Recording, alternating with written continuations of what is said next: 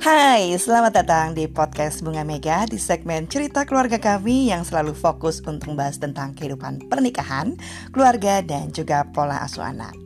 Di episode kali ini saya ingin mengangkat mengenai 5 bahasa kasih anak. Sudahkah kita memahami anak-anak kita dengan baik? Ini juga masih terkait dari bukunya Dr. Gary Chapman ya, tapi khusus untuk uh, lebih ke arah parenting saya ingin sharing tentang ucapan-ucapan yang kadang suka diucapkan oleh anak balita saya. Dia selalu bilang, Momi, Sabian mau baca buku. Momi, ceritain Sabian waktu di Candi Borobudur naik andong. Momi, Sabian mau bikin pancake. Momi, jangan main handphone, cerita aja. Kalimat-kalimat itu sering banget dilontarkan sama Sabian, anak saya yang baru usia 4 tahun. Dan dari ucapan-ucapannya itu akhirnya saya tahu setelah baca bukunya Dr. Gary Chapman ya, yang judulnya Five Love Languages for Children, bahwa Sabian ini tuh bahasa kasihnya adalah quality time. Kenapa sih penting buat kita orang tua memahami bahasa kasih anak? Karena supaya kita tahu bagaimana caranya mengisi tangki emosi dengan cara yang paling ia tangkap. Lima bahasa kasih atau Five Love Languages dikenalkan oleh seorang konselor keluarga, pembicara dan penulis Gary Chapman yang sangat-sangat terkenal. Konsep ini sendiri juga sudah banyak nih menyelamatkan hubungan cinta, menjembatani perbedaan, dan buat saya salah satu yang bisa menjadi bekal sebagai orang tua baru, sebagai orang tua yang ingin terus belajar untuk mengenali anak dengan lebih baik, yaitu membaca buku yang Five Love Languages untuk anak. Intinya sama aja sih ya baik kita ataupun anak ataupun pasangan kita memiliki lima bahasa kasih yaitu ya ada yang suka dengan hadiah ataupun gifts, lalu ada yang suka dengan pujian, words of affirmation, lalu ada juga sentuhan fisik ataupun physical touch, lalu juga ada tentang waktu kebersamaan atau quality time dan juga melayani ataupun act of service. Ini ada sebuah contoh kisah, misalnya anggap aja pasangan suami istri, mama papa ya namanya Dimas dan Audrey yang kerap memberikan hadiah bagi Aira, anak semata wayangnya yang baru berusia lima tahun. Mereka merasa telah menunjukkan kasih sayangnya secara maksimal kepada Aira. Sebagai keluarga kelas menengah yang tentunya sibuk membangun karir, kan ada keterbatasan waktu ya, membuat Dimas dan Audrey berusaha tetap memastikan Aira tumbuh dengan merasa dikasihi. Namun, bertahun-tahun kemudian ternyata Aira tumbuh menjadi remaja dalam pergaulan yang salah. Ia mengonsumsi obat-obatan terlarang dan kerap depresi. Ia curhat kepada konselor yang menanganinya. Aku gak merasa dikasih orang tuaku. Aku kesepian. Dengan menggunakan obat-obatan, aku merasa bisa membunuh rasa gak berdaya tersebut. Dari ilustrasi tersebut, kita dapat melihat ya bahwa ada dua sisi bahasa kasih yang berbeda. Orang tua Aira, Dimas dan Audrey menunjukkan kasihnya dengan memberikan banyak hadiah. Namun mereka nggak tahu dan nggak menyadari dan kurang peka bahwa bahasa kasihnya Aira ini bukanlah hadiah, melainkan quality time ataupun waktu kebersamaan. Sehingga Aira tumbuh dan berasumsi bahwa orang tuanya nggak menyayanginya. Lain cerita dengan kisah yang kedua. John dan Carol memperlakukan dua anaknya, Justin dan Mira, seadil mungkin.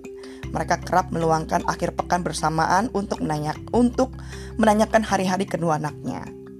John sendiri adalah seorang karyawan swasta yang kerap traveling, sementara Carol memilih untuk bekerja dari rumah. Carol tuh suka ngeluh ya dengan suaminya tentang perilaku si sulung Justin yang usianya 8 tahun yang suka banget gangguin dia kerja depan laptop. Justin tuh bisa narik rambutnya atau misalnya saat Carol lewat di ruang tamu, Justin tuh bisa kayak ngejegal kakinya. Jadi kalau si Carol sudah kesel banget, maka dia akan menghardik Justin. Tapi John bilang ia nggak pernah punya pengalaman yang sama seperti Carol. John dan Justin malah kerap main gulat-gulatan gitu kan atau main basket. John berpikir Justin anak yang menyenangkan dan nggak pernah usil. Carol nggak ngerti bahwa bahasa kasih anaknya, anak sulungnya namanya Justin ini adalah sentuhan fisik ataupun physical touch. Sehingga tindakan-tindakan usil tersebut yang ternyata adalah bahasa kasih Justin itu ditanggapi dengan salah. Makanya justru Justin dan ayahnya itu sangat kompak. Karena apa? Karena John sendiri sering mengajak Justin bermain gulat ataupun main basket.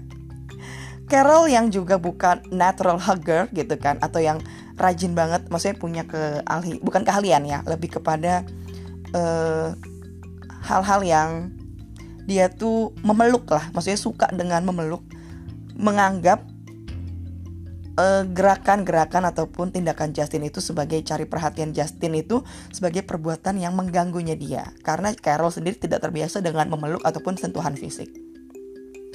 Gary Chapman sendiri mengilustrasikan bahwa bahasa kasih itu ya, saya juga pernah bahas di podcast saya sebelumnya, anggap aja kita menguasai bahasa Jepang. Sementara kita harus berbicara dengan orang Tiongkok yang menggunakan bahasa Mandarin nih. Maka sekeras apa pun kita berusaha menyampaikan niat kita dengan menggunakan bahasa Jepang, tentu nggak akan bisa diterima dan dipahami lawan bicara kita dengan maksimal. It is because we are not talking with their language. Itulah yang terjadi dengan komunikasi kita sebagai orang tua kepada anak supaya kita mampu ya dengan lima bahasa kasih ini memenuhi tangki emosi dengan tepat. Bukan dengan cara yang kita tahu ataupun kita inginkan atau berdasarkan bahasa kasih kita. Melainkan melakukan pendekatan dengan bahasa kasih lawan bicara kita baik terhadap pasangan ataupun anak kita. Pertanyaannya nih mengapa sih kita sebagai orang tua penting mengisi tangki emosi anak ada satu quotes yang bagus sekali dalam buku tersebut yang berkata, Every child has emotional tank. When your child feels love, he or she is much easier to discipline and train than when his or her emotional tank is running near empty.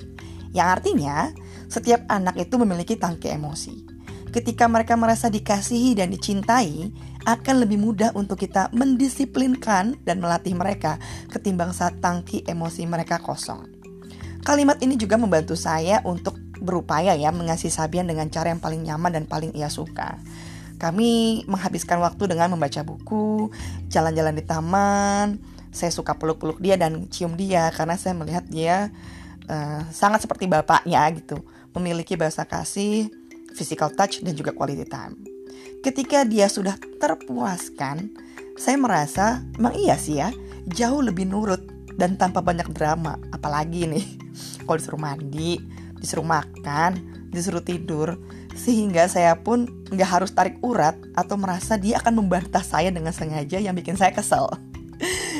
Dalam buku Five Love Languages of Children diberikan juga panduan untuk bisa mengenali ciri-ciri anak yang memiliki bahasa kasih hadiah, pujian, waktu, melayani, dan juga sentuhan fisik. Saya pribadi sungguh sangat menyarankan kita semua para orang tua untuk membaca buku ini agar dapat memahami anak-anak kita dengan lebih baik lagi.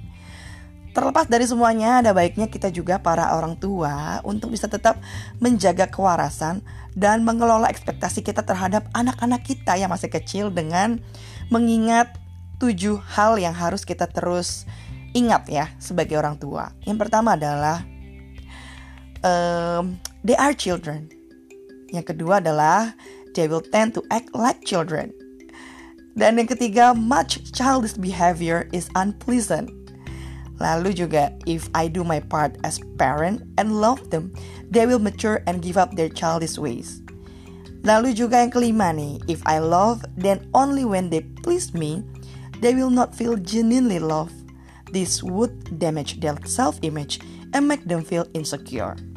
Yang keenam, if I love them only when they meet my requirements, they will feel incompetent. Dan yang terakhir adalah if I love unconditionally, they will feel comfortable. Ini ada dalam buku Five Love Languages for Children. Intinya sih kalau kita harus memahami mereka bahwa mereka tuh anak-anak dan tentunya mereka akan bersikap seperti anak-anak. Dan kebanyakan sikap anak-anak kebiasaannya itu suka nyebelin. dan kalau kita melakukan bagian kita sebagai orang tua dengan tetap mengasihi mereka, maka mereka akan bisa tumbuh secara dewasa dan lama-lama akan mengikis sikap-sikap mereka yang childish ataupun kekanak-kanakan. Tapi jika kita mengasihi mereka hanya ketika mereka menyenangkan hati kita sebagai orang tua, maka mereka akan, akan merasa bahwa kita tidak mengasihi mereka dengan tulus. Bahkan itu akan merusak self image ya, gambar diri mereka dan membuat mereka tumbuh menjadi pribadi yang insecure. Dan jika kita hanya mengasihi mereka ketika mereka memenuhi perintah-perintahnya kita atau memenuhi standarnya kita, mereka akan selalu merasa inkompeten.